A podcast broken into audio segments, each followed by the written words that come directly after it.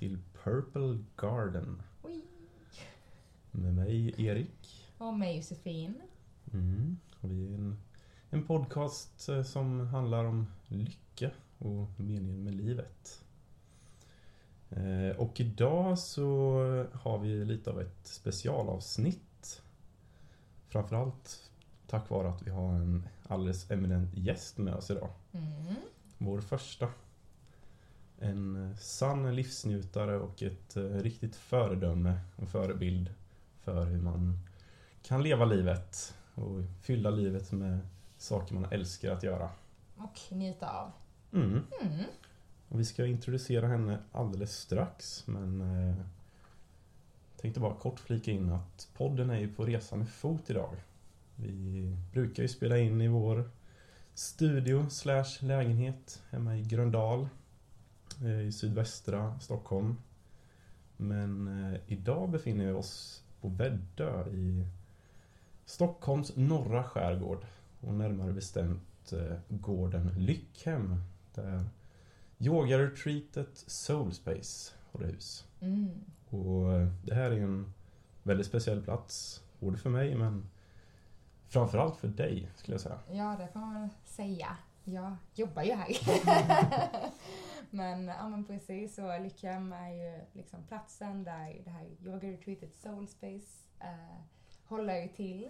Eh, och ja, men här är jag dels med och, och co-teachar till och från på vissa retreats. Om man, vill, Och- om man bara vrider tillbaka klockan lite så du har ju också gått på retreaten ett antal gånger. Ja, precis. Jag har varit deltagare fem gånger på retreats och framförallt eh, har det ju varit vändpunkten för mig, de här retreaten. Eller första retreatet var en vändpunkt där jag verkligen hittade in i mig själv och fattade shit, jag har en kropp, jag har känslor.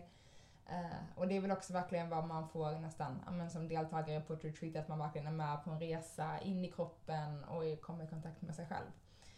Så det är vad vi undervisar och lär ut här tänkte jag säga, men Ja. inte riktigt lär ut men Tredje sommaren som du undervisar här va? Ja, precis. Tredje sommaren. Eh, och eh, ja, man bara dela alla verktyg och tekniker som har varit så viktiga för mig själv i min egna resa i yogavärlden och in mot mig själv. Och det som verkligen också har fått den här passionen att kicka igång, att verkligen få känna min kropp och känna mina känslor och eh, kunna njuta av att få vara i, i det som är i nuet Mm. och i kroppen.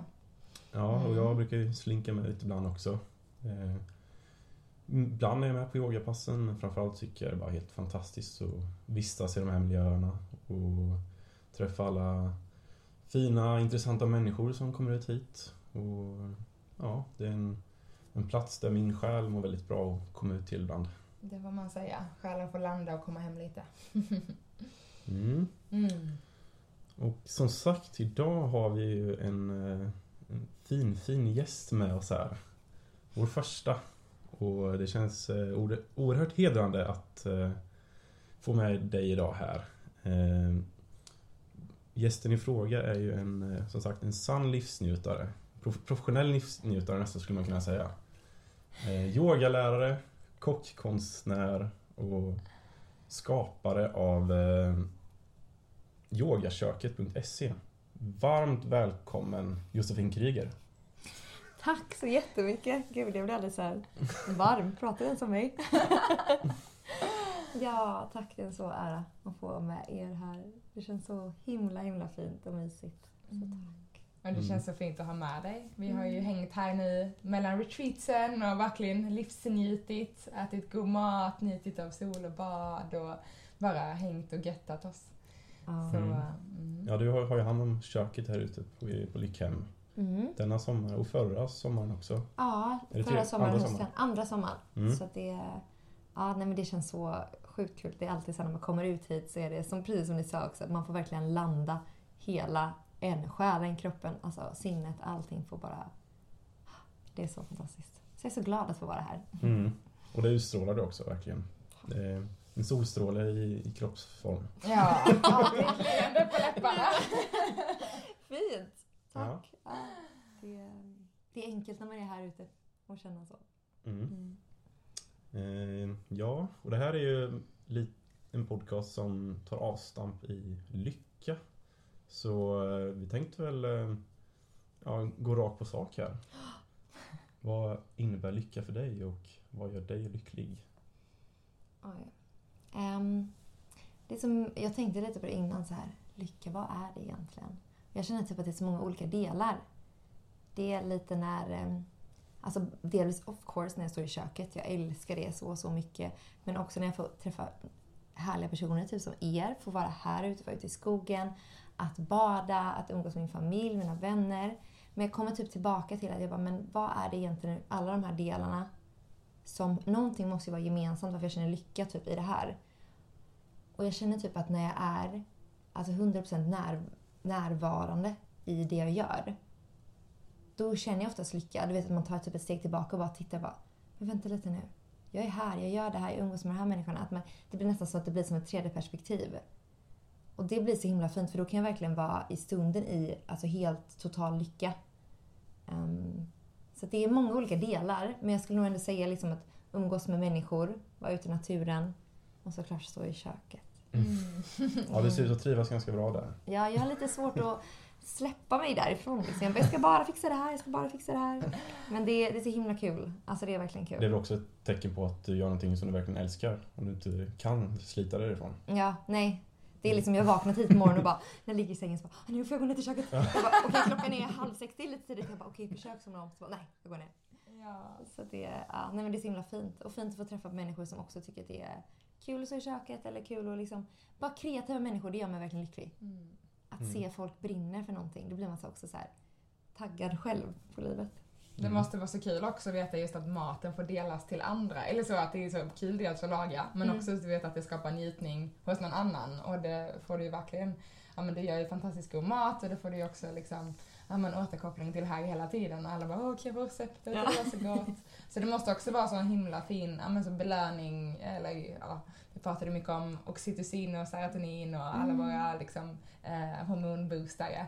Så det måste ju också bli en sån liksom, som kopplar ännu mer till så, om jag älskar det här så mycket och, och att man, man får tillbaks liksom, den hajen på något sätt, känslan. Verkligen går runt eh, hög på lyckohormon hela dagen. Mm. Ja, men lite så. För jag kommer ihåg, eller jag var och jobbade på ett, ett tyst retreat. Och då var det så här, alltså jag var lika taggad i köket och hängde och sen så här, åt de mat. Och så jag bara, ingen har sagt någonting. Jag bara, nej men gud, nu är jag dålig. Alltså det är här, och det är bra, det är. Sen så bara, det var så intressant att, på sig själv att jag bara, oj vad jag, inte bara att man behöver bekräftelse men på något sätt att den feedbacken är så fin att få. Men sen så är det så här, men jag bara, men gud om jag gör det jag älskar, om jag tycker det är gott, då kan inte jag göra mera. Alltså, och än så länge så har folk ofta tyckt att det var väldigt gott. Eller så här, så då, Det Jag var bara dem kan jag säga. Jag, Ja. jag instämmer till fullo. Men jag kan verkligen känna igen mig det också. Mm. Men så när jag delar yogaklasser, också under tystnaden här ute. Då är det tystnad varje morgon, förmiddag eh, Mm. på Soulspace. Och jag har ju alltid morgonklasserna. Eh, och då kan man så, men då går ju folk ut från salen helt tysta och man bara var det bra? Sen kommer ofta du och bara åh det var så fint! Men att inte veta liksom, att inte Mm. få liksom bekräftelse. Ofta är det någon som tackar liksom, men just att få det där Ja men det, det gör ändå någonting för man delar ju också det av en anledning till att men så jag tror det är en kombo, man älskar att göra det. Men hade någon tyckt att det var dåligt så hade man inte så åh vad kul det här ska bli. nej. Då går man antingen in i att jag ska bli bättre på det här, men då kanske man inte går in i så jag gör det här för att det är det bästa jag vet liksom. Mm, Eller för att det är där passionen ligger någonstans. men exakt. Mm. Det är så fint att inspirera andra på något som är liksom har, inte förändrat, men på något sätt som har påverkat mig väldigt mycket så är det så fint att få dela det med andra och inspirera andra på sina vägar. Och alla hittar liksom sin, sitt flöde på något sätt. Att så bara, ja, men alla kanske inte gillar att stå i köket och vara kreativ men någon kanske gillar den här maten, då kan man göra den på sitt sätt. Och så är man kreativ på andra. Alltså jag tror att ändå alla är kreativa i grund och botten på något sätt. Mm. Och eh, på tal om det, just yogaköket, alltså Mm. den Instagram-kanalen som du rattar och hemsidan och ja. Eh, Just det där med att det är en väldigt opretentiös inställning känns som. Det är inte liksom Ibland när man scrollar flödet genom matvideos så känns det som att ja, nu ska jag stå här i två timmar och det är komplexa recept och Men det här är verkligen någonting som till och med jag skulle kunna göra. Okej, jag försöker inte äta din mat men jag kan tänka mig att Och jag har, och jag har ju smakat på din mat och den är ju helt fantastisk. Så det är eh, så enkelt men ändå så otroligt gott.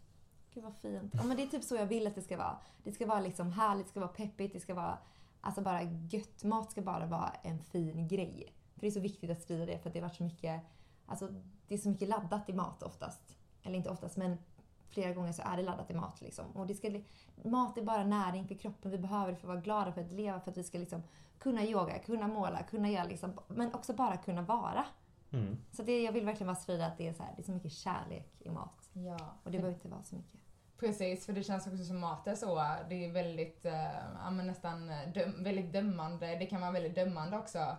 Eh, om man äter för mycket, om man äter för lite. Dels från sig själv, dels från andra. Åt inte upp den där nyttiga grejen. Mm. Oj vad mycket sås du tog. Alltså det kan vara, det känns som det kan också vara väldigt mycket, ja men dels alltså fördomar som också kan växa ur mat. eh, Vilket känns väldigt tråkigt liksom. Mm. Eh, men det vet jag själv, så åh nu, jag borde inte ta den där sista. Men det är så gott att göra ändå. Ja. Eh, men också att man ens ska ha de tankarna känns lite tråkigt. Just för alltså, mat är också så himla livsnödvändigt. Speciellt vad vi äter för typ av mat. Och det är så synd att det liksom har nästan den delen av matlagning har fallit undan. Och det är snarare så spara kalorier och eh, nyttiga fetter eller inget fett alls eller och alla olika dieter hit och dit. Och det känns som det är så mycket kravsättning på det. Liksom. Så, och jag tycker verkligen du plockar bort det så himla lätt. Eh, och ändå gör det väldigt, ja men det är väldigt hälsosamt och nyttigt och du tar vara på det som är bäst för miljön också. Eh, och det är väl väldigt inspirerande, eh, Och jag. att det ser så kul ut när du gör det liksom. Det är så mycket glädje och kärlek och Ingen liksom stress. energi. Ja, precis. Så man vill ju ställa sig i köket själv nästan när man har, man har bedreglat åt dina videor. Ja men kul! nej men jag, nej, men jag älskar ju det. Alltså, och jag älskar att preppa, det gör jag ju alltid. För att jag är också, nu när jag är här på, alltså på Lycken, på retreaten, så jobbar jag mycket i köket. Men jag försöker också gå på en del klasser. Och då gäller det att preppa och jag älskar att preppa. Så att jag ändå kan vara med lite stund på yogaklasserna så får jag smita ut när det är shavasana och så får jag preppa igen. Liksom. Så att det är lite som fin ja, balansgång där. Att man ändå ska liksom kunna ta tillvara på allt det fina som finns runt omkring också. Mm. Så att man får en balans. Ja, exakt. Och inte bara köra de här köttarpassen liksom i köket. Så, ja, men nu har jag den här deadlinen klockan halv två när maten ska serveras och då måste jag vara här den tiden och du, du, du. Det blir ju så ändå, men det blir kanske mer så att det är preppat och så kan man göra lite emellan och sen så kan man gå på klass och sen preppa lite och avsluta och servera liksom. Mm. Och det tror jag också kan bli bra för gör man saker under tidspress så är det ju med allt så blir det lite mer eh, ja men lite mer, ja men nästan motstånd och prestation är det lätt liksom. Mm. Om inte tiden finns där ju så, och den kan finnas där ändå men man vet ändå att så, men nu har jag bara den här tiden. Eh, det känns också som att det kan ja, men dra ner eh, liksom, passionen till matlagning om man eh, kommer från det perspektivet. Liksom. Mm. Men det är väl alltid så oavsett vad man gör. Alltså, är du pressad så stressar du, så spänner du dig så blir det inte lika... Alltså det blir inte, du har inte kul medan du gör det heller. För då, det enda du tänker på är typ att du ska göra det så fort som möjligt. Och bara för att du gör det så fort, alltså egentligen så går det inte, du kanske sparar fem minuter. Men det går inte så mycket snabbare för ofta så gör man lite småfel på vägen. Så får man, river man ut en grej som man plockar upp. Alltså, så att det är mycket så här härligare att ta tiden och hinner jag inte gå på en klass, nej, men då gör jag inte det. Men hinner jag gå på klass så går jag gärna på klass. För det är också ett sätt för mig att slita mig från köket. för då har jag en bestämd tid jag måste gå. Så det är, ja. Exakt. Så, tror du det kan liksom bli för mycket av det goda? För mycket av att kunna stå i köket också? Ja, alltså jag märkte typ lite det nu det senaste retreatet. Jag bara, åh jag vill göra det här och jag vill göra det här och det här. Och sen bara, nej, nu ska jag bara släppa allting. Så gick jag inte på klassen som jag hade tänkt att gå på. Men så var det verkligen bara, jag gick ner, gick i skogen, gick och badade och liksom. Och sen kom tillbaka med ny energi. Och det är så fint att alltså, tillåta sig det också. Och att det inte bara så här, nu måste jag passa på när jag är här. Även om jag tycker att yogan är fantastisk också, eller en stor del av Mm. min passion med. Så Precis, bra. jag tänkte precis komma till det. Du har ju två distinkta passioner. Matlagning och yoga. Som Mm. du har vävt samman i yogaköket kan man säga. Precis, ganska bra namn Ja, eller? eller hur? Mat, yoga, Ja. Ja, ja, men det är en kombo som verkligen gifter sig väldigt bra tillsammans. Ja. Och, men hur startade allt det här? Hur, var, hur föddes de här passionerna? Var det liksom den ena ledde till den andra eller kom det från två olika håll? Mm. När och var började allt? När, var, hur? Ehm, ja, alltså min passion för yoga, eller jag har alltid typ så här, gått lite på yoga på gym mera. Men sen det var när jag var i Australien för, vad är det nu, kanske sju år sedan? Fem, sju år sedan? Ja. Um, och då hittade jag yogan, för då var jag väldigt nyfiken när man är på nya platser. Så jag verkligen säger bara, jag vill gå runt, testa nya saker, hitta på. Och så hittade jag en liten yogastudio och jag bara, men gud, ska jag inte testa detta? Och så gick jag in dit och de var så välkomnande, verkligen så, så härliga. Så började jag yoga där. Men jag tänkte bara att man kunde testa på gratis typ en vecka eller några gånger liksom. Men sen jag bara, nej jag kan inte sluta. Så jag började så här, hade månadskort där. Sen när jag skulle åka hem, så vi mejlade jättemycket efteråt. Och sen när jag kom hem till Sverige, jag bara, jag måste utbilda mig, jag måste sprida det här till andra. När man själv har hittat någonting så vill man ju bara, alla måste göra det här, det här är det bästa grejen att göra i livet. Och sen så blir det inte så. Men det, så jag utbildade mig och samtidigt också i Australien skulle jag nog ändå säga att mathållning kom mera till mig där också. Det var lite när man flyttar hemifrån, det blir en annan sak. Och sen ehm, så, eh, när jag flyttade dit så hade jag, var jag au pair, så då hade jag hand om små barn. De ville ju typ inte ha något annat än underkokt pasta och liksom typ så här noodle cups. Så det var inte svårt matlagning så. Men det var så mycket andra råvaror, typ mango, avokado, mango. Alltså det var liksom, jag fick ta hand om mig på ett annat sätt. Och typ där tror jag också lite mat, maten föddes. Vi har massa bilder när jag tagit korten, när jag kollar tillbaka på dem och jag bara vad tänkte jag med här? Alltså när jag la upp och det är lite olika trender och allt sånt. Men det är ändå fint liksom att... Bättre på content production nu. Ja, ja. Alltså skillnaden lite ja. Men jag tror typ ändå att det kanske föddes lite innan men det var verkligen där det fick börja blomma lite mera. Eh, men sen så har det, jag tror liksom det bara gått om och om varandra. Att både att röra på sig är så viktigt, och den mentala biten, och sen maten. Att både så här utifrån och in och inifrån och ut. Att hjälpa och boosta kroppen liksom. Fylla på med alltså näring men också fylla på med så lugn och rörelse. Så jag tror verkligen att de har vuxit lite så här omlott, flöde lite om varandra och sen så bara...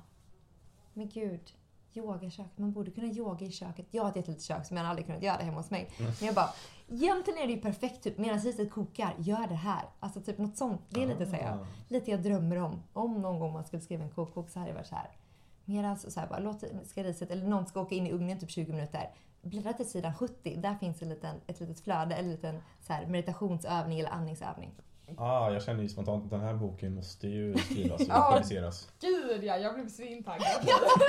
du som ändå hjälpt mig med mm. Exakt, låt oss... Eh, så om vi har någon som bokutgivare där ute, ni hör ju, det här är ju golden. ja. Ja, det är en garanterad toppsäljare, så ta chansen. Exakt. Men när, när var det du startade yogaköket? Um, alltså på riktigt så var det nog, jag köpte domänen kanske för typ två år sedan. Men på riktigt så var det efter, efter alltså när jag var här på Lycken förra hösten. Jaha, så kanske i september. Så pass nytt alltså? Ja, ja, men sen så hade jag liksom, jag var hos Josefin innan och det, liksom, det, visste, det var lite mer mat, bara matfokus typ. Men sen så köpte jag domänen, jag bara, men yogaköket är en bra grej, jag vill inte att någon ska ta den. Men sen så vågade jag typ inte riktigt, vet, man bara, vad ska alla andra tycka? Och sen när jag kom hit och typ fick träffa er och fick träffa det här och liksom du vet att man bara, men vad spelar det för roll? Typ såhär, vill jag någonting, brinner jag för någonting, varför ska inte jag testa då? Varför ska någon annan så här, få låta mig hålla tillbaka mina drömmar? Så det var... Nej, det är irrelevant vad de ja. vad andra tycker. Nej men det är typ, alltså det är så här, oftast är det, om du gör någonting som du brinner för och tycker att det är jättekul, så ser ju folk det också liksom. Så mm. det, ja. Framförallt på dig skulle jag säga. Ja, verkligen. och att du får verkligen träffa folk in person här när mm. du får dela. Det är också väldigt fint liksom.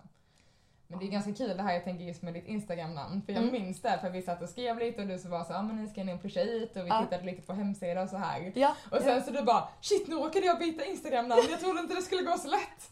Så det var också kanske så med lite menande att du skulle bli tryckt, eller tryckt men mm. få lite i rätt riktning liksom. Mm. Exakt, så det är också lite spännande att det inte var så.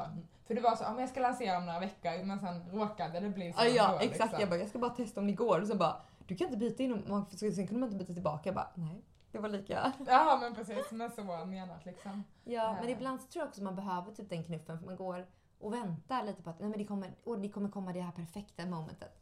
Men det kommer liksom alltid. Man får bara skapa det och bara testa typ. Mm. Ja men kul och, sen, och det har bara gått ett år ungefär. Ja. Inte ens det. Och nu ja. reser du land och rike och ja. är med på retreats och besöker olika communities och lagar mat. Och, ja. Kan du berätta lite om vad, vad, vad har du för dig just nu? Mm. För, förutom att du är här och förutom att kockar. Just nu är jag här och har det asgött med er. Mm. Um, nej men jag har jobbat lite på andra retreats också. Främst i Stockholmsområdet med andra yogalärare från Sverige. Och det känns jättekul att bara få, ja men även där sprida min kärlek till maten och få också få den här... För det blir en speciell bubbla när man är på yoga retreat tycker jag. Alltså inte för att jag har jobbat så mycket annat med mat på andra ställen, men jag jobbade typ på ett bröllop och gjorde mat och det var jättekul. Men det är, så här, det, det är någonting med så här, när man yogar, man mediterar och man, liksom, man får även in den känslan typ i köket. Även om på de andra retreaten så kanske inte jag var med jättemycket på klasserna. Um, så var det ändå typ att man var lite granna och man fick ändå själva viben. Så det är liksom, det är så fantastiskt. Det är verkligen yoga i köket. Man ja. tar mindfulnessen eller liksom in. Mm. Fint ju. Ja, nej men alltså verkligen. Ehm, så det gör jag. Och det hoppas jag att jag kan fortsätta lite med. Och sen så jag skapar jag en del recept, både alltså för mig själv, yogaköket, men också för lite företag och lite samarbeten. Ehm, och sen så jobbar jag lite på en restaurang i Göteborg. Där vi Mm. jobbar lite med samma typ av mat också. Liksom så här med att det ska vara härlig, näringsrik mat. Alltså inga så tillsatser utan bara så, alltså så från grunden som möjligt. Liksom. Mm. Direkt från skogen. Ja men typ lite så. Och gärna svenskt. Det är typ så som du pratade nämnde lite innan. Att jag tycker väldigt jättekul att följa säsong och ta tillvara på allting. Typ nu, nu när vi spelar in detta så är det så här, de färska morötterna börjat komma och då får vi dem med blast. Så nu har jag gjort så här blastpesto och sen ska vi göra tänkte jag så här, något bröd med blast eller fröknäcke. Och ja, så det är liksom kul att ta tillvara på allting och liksom låta naturen lite bestämma vad man lagar. Mm. Mm. Intressant. Och du bor i Göteborg. Du är Ja. född och uppvuxen där. Ja. Men du har eh, hamnat i Stockholms yoga-community. vad, är- vad är det för fel på Göteborgs yoga Ja, precis. Oops. Nej, men, alltså, jag känner typ att det är inte riktigt lika stort i Göteborg, yoga-community. Ehm, det är liksom lite svårare typ, att nå ut där, tror jag. Att det är liksom, I Stockholm där finns det händer det så mycket och de flesta... Jag vet inte, jag tycker bara att det känns som att det är mer events i Stockholm än Göteborg. Men jag älskar Göteborg. Så eh, jag hoppas ju att det ska komma till Göteborg också. Men jag har gjort Mm. något litet event på Göteborg också med så här, yoga och brunch. Och liksom, det var jättemysigt. Ehm, men då kunde jag inte vara med på yogaklassen utan då stod jag i köket. Men det var så himla, det var också så, yoga i köket direkt. Alltså sen, jag hörde dem i andra rummet så stod jag där och preppade och verkligen så jag bara, ah gud. Men jag också typ såhär, gud vad gör de nu? Jag vill, jag vill också vara där ute. Och sen så bara, nej jag är här. Jag får Mm. ta en eh, stående solhälsning. Ja men typ lite så. Jag bara, ah, bara ta in energin. Ja. Ja, men vi är ju tacksamma för att Göteborgs yoga-community inte har växt så mycket. Då. Det betyder att vi får ha det här istället. Ja. Ja. Ja, det är fint. Mm. En sak jag tycker är en av många saker jag tycker är intressant med dig. eh, En som kanske sticker ut är att du är ju inte liksom född och uppvuxen eh, yogalärare och eh, kock och den biten utan du har ju studerat på universitetet till stadsplanerare och arkitekt. Mm. Stämmer det? Mm. Ja. Samhällsbyggare, men det är väl typ samma sak. Ja, för det gör ju att sådana här livsstories eh, ligger ju mig varmt i hjärtat eftersom jag själv utbildar mig till civilingenjör och ja, inte gjort någonting av den utbildningen egentligen. Utan nu är det bara konst och musik som gäller. Fjärran från eh, utveckla produkter. Eh, ja, om ni förresten har något surrande här i rummet så är det en, en väldigt ilsken, två ilskna Det är getingar. Tre stycken. Ja, de har lyckats ta sig in på något sätt men de hittar inte vägen ut. Nej. Men eh, vi får kanske... Oj, nu har vi besök här också.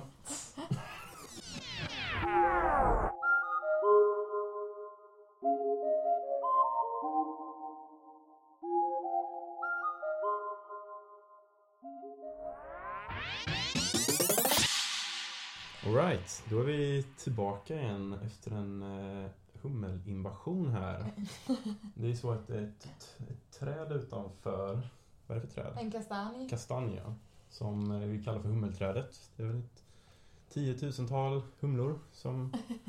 Ja men typ utan att överdriva så går man under så bara Det känns som bara vibrerar. Det är faktiskt en väldigt bra meditation. De har ju en, en, en stol under där.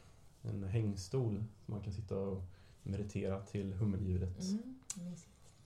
Men nu har vi eh, gjort oss av med inkräktarna här. Så kan vi återgå till vårt samtal här. Ska vi göra det? Ja! Ja, exakt. Samhälls... eh, Ja, precis. Vi var, vi var ju vid din, eh, din snirkliga, roliga livsresa där. Att Ja.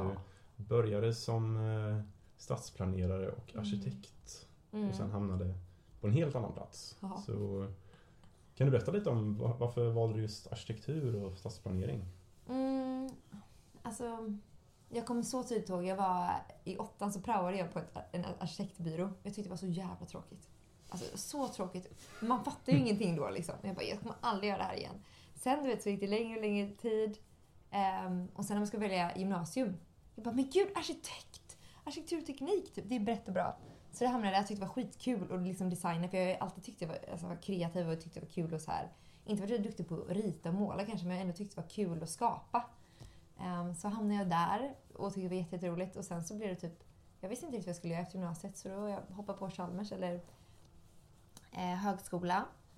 Och då ville jag egentligen läsa arkitekturteknik. Det finns en speciell utbildning där du både blir civilingenjör och arkitekt. Så det är en sån här blandning mellan... Så du både får räkna med saker och du får rita. Liksom, jag gillar det här, jag gillar typ en matte, lite nördigt. Och sen så tycker jag om design. Alltså jag vill kunna förstå hur det funkar. Men jag kom inte in där, så då började jag på samhällsbyggnad istället. Som är, ja, att du, du får ju designa lite grann men det är mer samhället i stort, du får inte rita hus. Um, så där var jag, pluggade på och sen så åkte jag till Australien, tog ett sabbatsår, så åkte jag till Australien. Mitt i studierna? Eller? Ja, efter kandidaten. Mm. Och sen så sökte jag varje år till den här arkitekturteknik. Kom närmare och närmare men kom aldrig in. Så sökte jag en sista gång. Jag bara, ja, men jag ska ändå börja med master, jag kan söka. Och så kom jag in. Jag bara, vad är oddsen? Så här, jag bara, ska jag börja om? Ska jag, alltså, eller ska jag bara köra nu? Nu är jag nästan klar. Men så kom jag att prata med massa ehm, um, med lite olika människor och typ alla bara, men du har ju, det här har du pratat om typ sen vi började på Chalmers egentligen, eller liksom nästan ända sedan gymnasiet. Så bara, fast varför ska du inte testa? Typ, om, om det verkligen inte funkar då kan jag bara läsa min master ett år senare. Men det var väldigt kul. Så jag läste det. Um, och sen så tog jag kandidaten där och då var samtidigt som pandemin kom. Så då började jag jobba lite på en restaurang, lite extra. Och det gjorde jag lite under tiden också. Um, jag pluggade. Och så bara tyckte jag det var så kul. Och det, så laga mat och, och henne jag jobbade hos, eller med, hon var så fantastisk. Alltså det var så kul och vi gjorde mycket soppor och hon, fick lära, hon lärde mig verkligen så smaka av. Bara, vad tycker du behövs? Jag bara, salt. Hon bara, kolla nu, nu häller vi lite typ fett eller olja. Jag bara, men gud! Alltså så att man får lära sig att, att saker, andra liksom, smaker påverkar varandra på ett mm. annat sätt. Att det kanske man tror att man saknar någonting, men så kanske något helt annat du kan. Alltså så att det är inte alltid jag kan fortfarande inte allt 100% men det är liksom att man smaker hjälper höja varandra liksom. Att fett är så himla viktigt att man ofta, det är typ en sån grej som jag tror ofta man glömmer bort.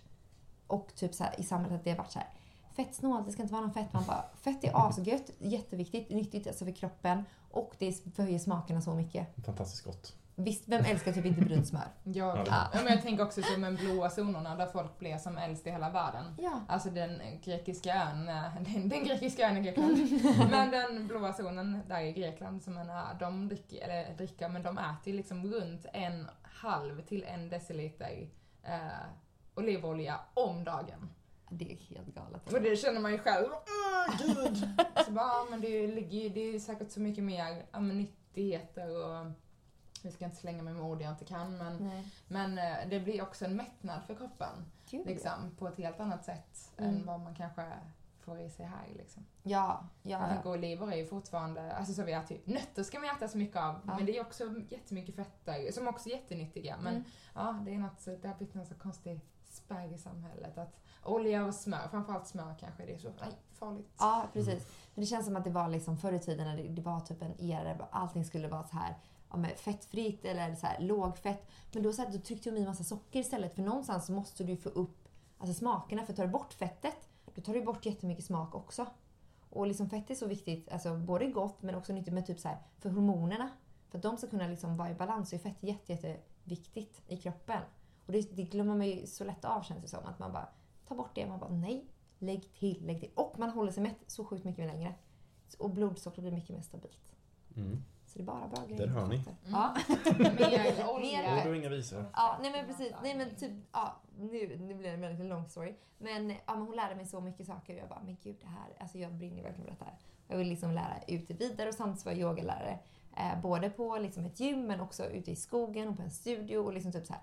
Det var så kul att bara få dela det jag älskade där också. Och sen så, ja men så kände jag bara, men gud jag vill göra någonting med min arkitektutbildning.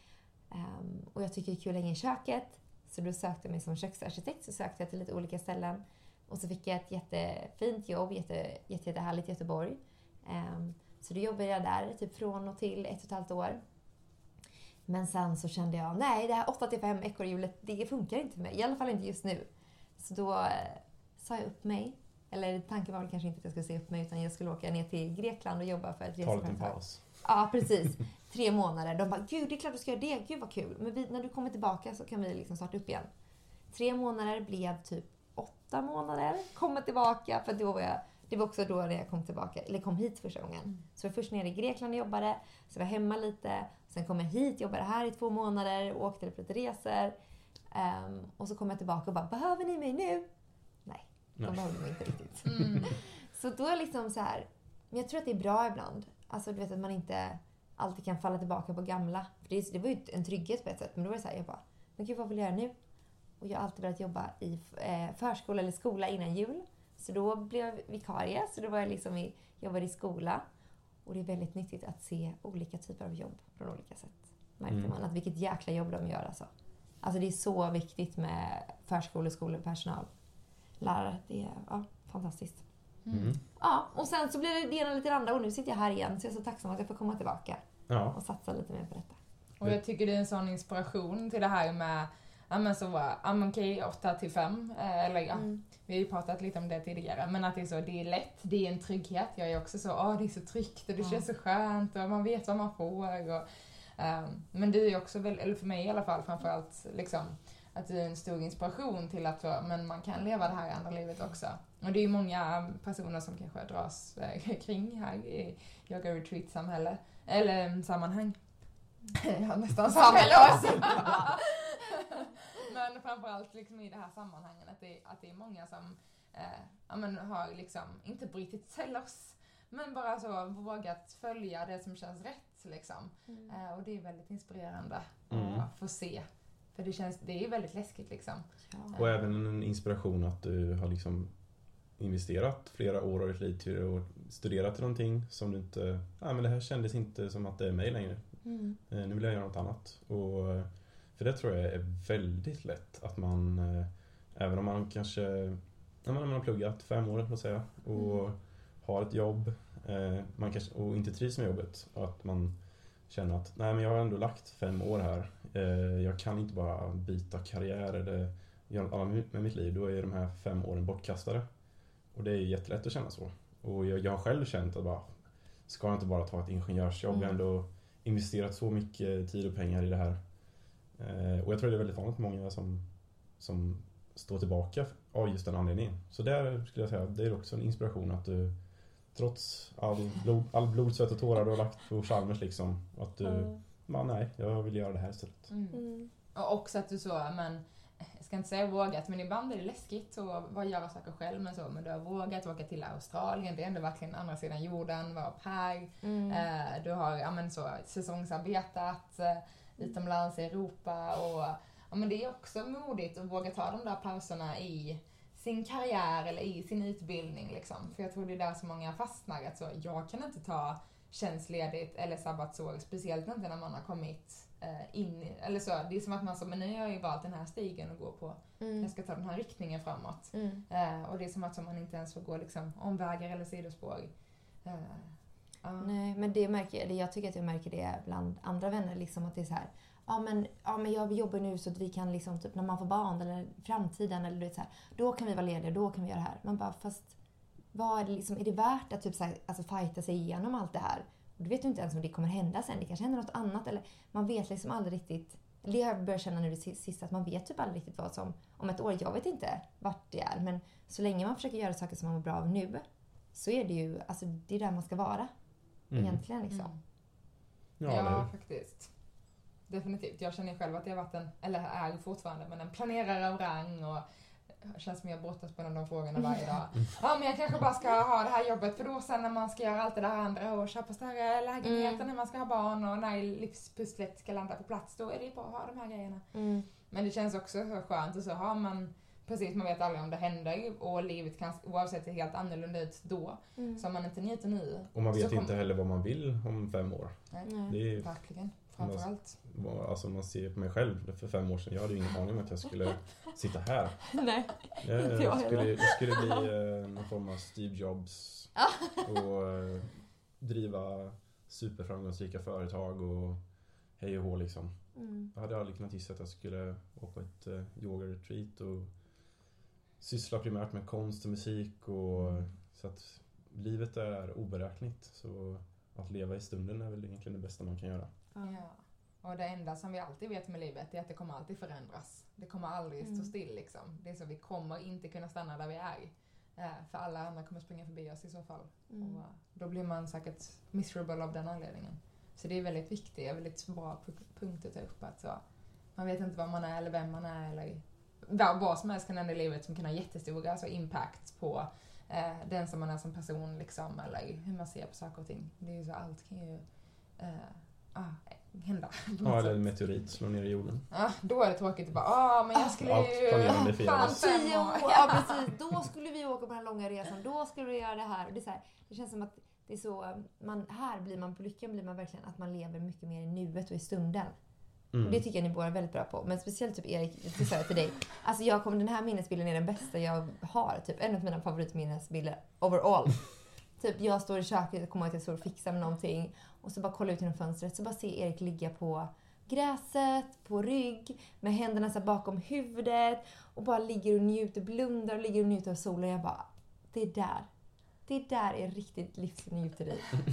Och jag kommer ihåg, jag bara, nej, det var så, då så släppte jag allting och då kommer jag ihåg att jag bara gick ut och bara, alltså fy fan vad gött. Och så bara la jag mig så och jag bara, alltså det här är livet. Det bara, ah.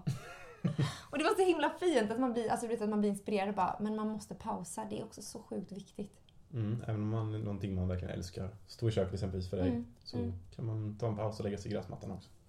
Ja, och det behöver inte vara så en timme. Det kan vara egentligen så här två minuter, eller, en, alltså, eller tio minuter. Det spelar inte så himla stor roll. Men det var så fint att få den. och Jag kommer ofta tillbaka till det. Typ idag så också det ligger där och då var jag bara Jag ska bara, jag ska bara göra det här och jag ska bara fixa det här för nu preppar jag och jag tycker det är skitkul. Jag bara Åh men gud jag ska bara preppa den här hummusen den sista. Och sen så bara Nej, och där var chansen. Det var så tydligt då för då Sen var ni på väg in och skulle komma till mig och jag bara Ja, där var den chansen borta.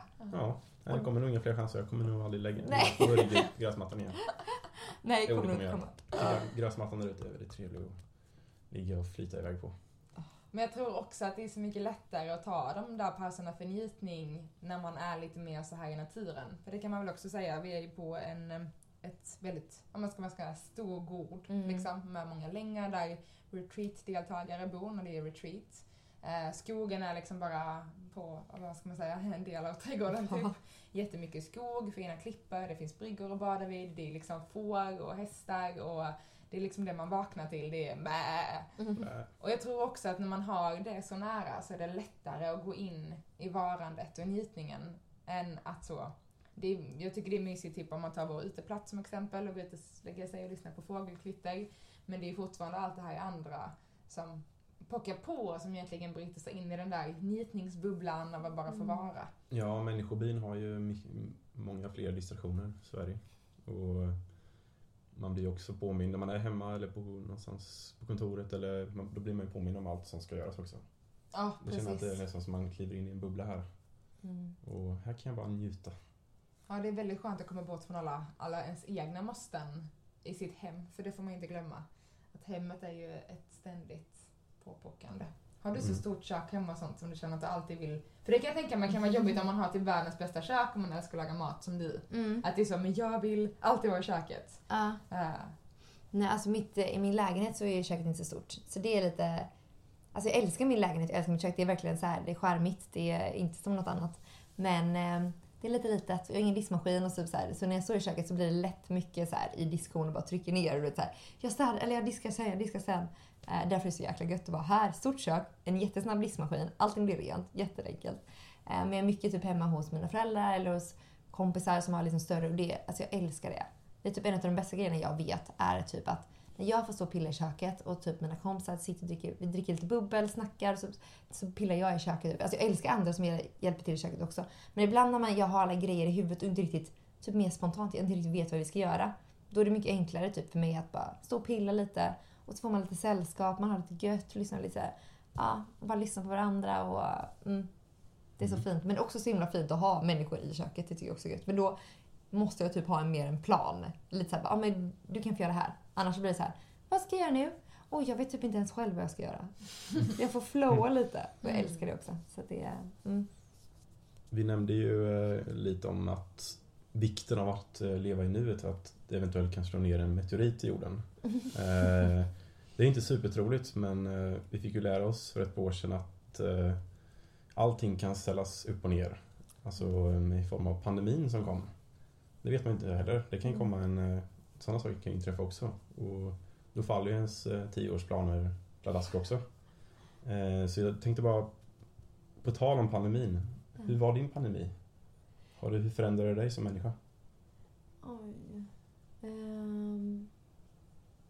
Jag tror typ att jag blev mer så här, lite mer faktiskt grundad i mig själv och lite så här att vilka människor är det som är viktiga för mig? För att innan när jag liksom har pluggat massa olika saker, jag har min familj, jag har mina gamla vänner i Göteborg. Alltså jag hade så mycket, och jag ville vara på alla ställen samtidigt. Och få, liksom, olika kompisgäng drog i, bara, ah, men vi ska göra det här. Jag bara, ah, men gud jag kommer. Och så var det en annan, men vi ska göra det här, det här. Och samma dag jag bara, okej okay, men jag är där två timmar, sen går jag till dem och är där två timmar. Och då blev det så här att jag var typ aldrig riktigt närvarande när jag väl var med någon. Så då blev det typ att man inte kunde se, träffas lika ofta och inte kunde träffa alla de här lite mera, inte ytliga, men alltså lite den här, inte de närmsta vännerna utan de, liksom, ja, ens vänner. Då blir det så här, vilka är det som betyder faktiskt väldigt mycket för mig och vilka vänner är det som jag verkligen vill ha kvar i livet typ. Um, så det, jag tror det gav mig väldigt mycket perspektiv och typ att jag landade mer i mig själv och vad jag vill göra. Typ jag stod väldigt mycket i köket också. Um, jag fick corona och fick lite nedsatt så här, smak och lukt. Uh, oj, det var oj. verkligen så här, jag bara... Skräck, eh, skräcken där verkligen. Ja, alltså fy fan. Men det, det löser, det löser sig. sig. Ja, ja. Tack gode gud. Um, så men typ, men ta vara lite mer på nuet tror jag. Det fick mycket så här att det man vet inte vad som kommer hända, lite som du pratade om. Man vet, alltså man vet aldrig vad som, vad som kommer hända. Det är så här, försöka göra det bästa av situationen, eller sitt, ja, bästa stunden. Liksom. Mm, ta vara på varje ögonblick. Verkligen. Verkligen. Och våga ta det långsamt också. Ja. Det kan jag också känna, det här, men verkligen som du sa med att så nästan ja, men så springa runt för att hinna med allt hela tiden. Mm. Och sen hinner man ja, men dels inte med sig själv, Eh, och man har ingen njutning för att hela tiden så är man redan i nästa steg i huvudet. Visst. Så man är liksom inte på plats och och det är också så, framförallt för dig som, man älskar att vara med dina vänner och mm. liksom njuta av den, de bitarna. Och då blir det ännu viktigare att kunna känna närvaron och inte så, ja oh, men jag ska, jag måste kolla på klockan för jag ska iväg om två timmar. Ah. Um, och det tror jag verkligen, men så, har blivit väldigt väsentligt i mångas liv. Mm. Uh, jag tror också, ja, mycket att bara få stanna upp och inte behöva springa på allt hela tiden. För att det gick inte liksom. Man kunde inte umgås med eh, två olika gäng samma dag. Mm. Dels bara kändes ju kanske att man inte ville för liksom smittorisken.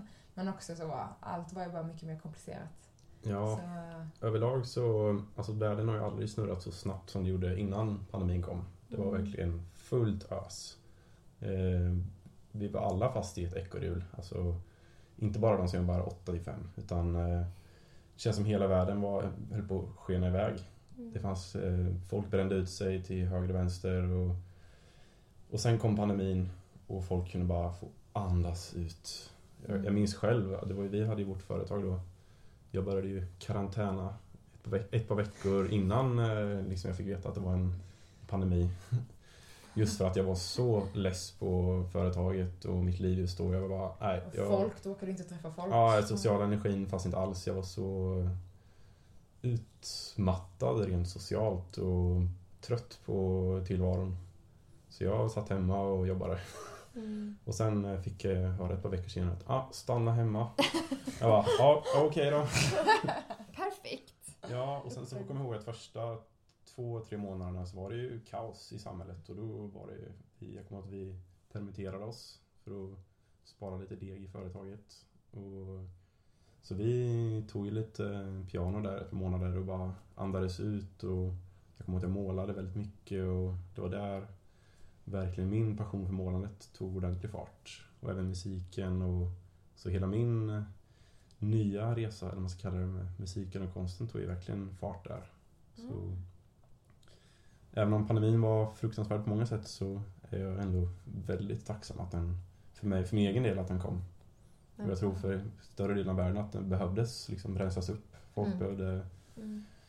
connecta med sig själva igen och sin, sin själ. Vad, mm. vad, är det, vad är det som är viktigt för mig i livet?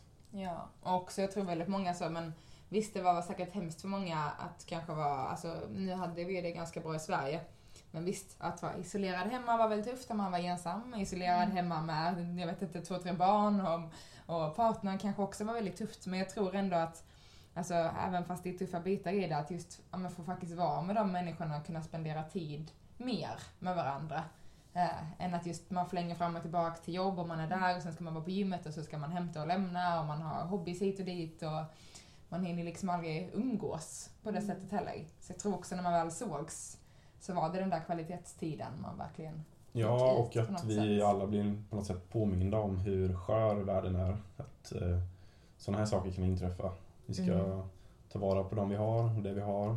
Och överlag så kommer vi ut på andra sidan som en mycket mer tacksam värld tror jag. Att vi uppskattar det vi har. Njuter av stunden mer. Så, mm. Ja, verkligen. Det kommer mycket fördelar. Mm. Men det är så kul också, intressant att det ändå...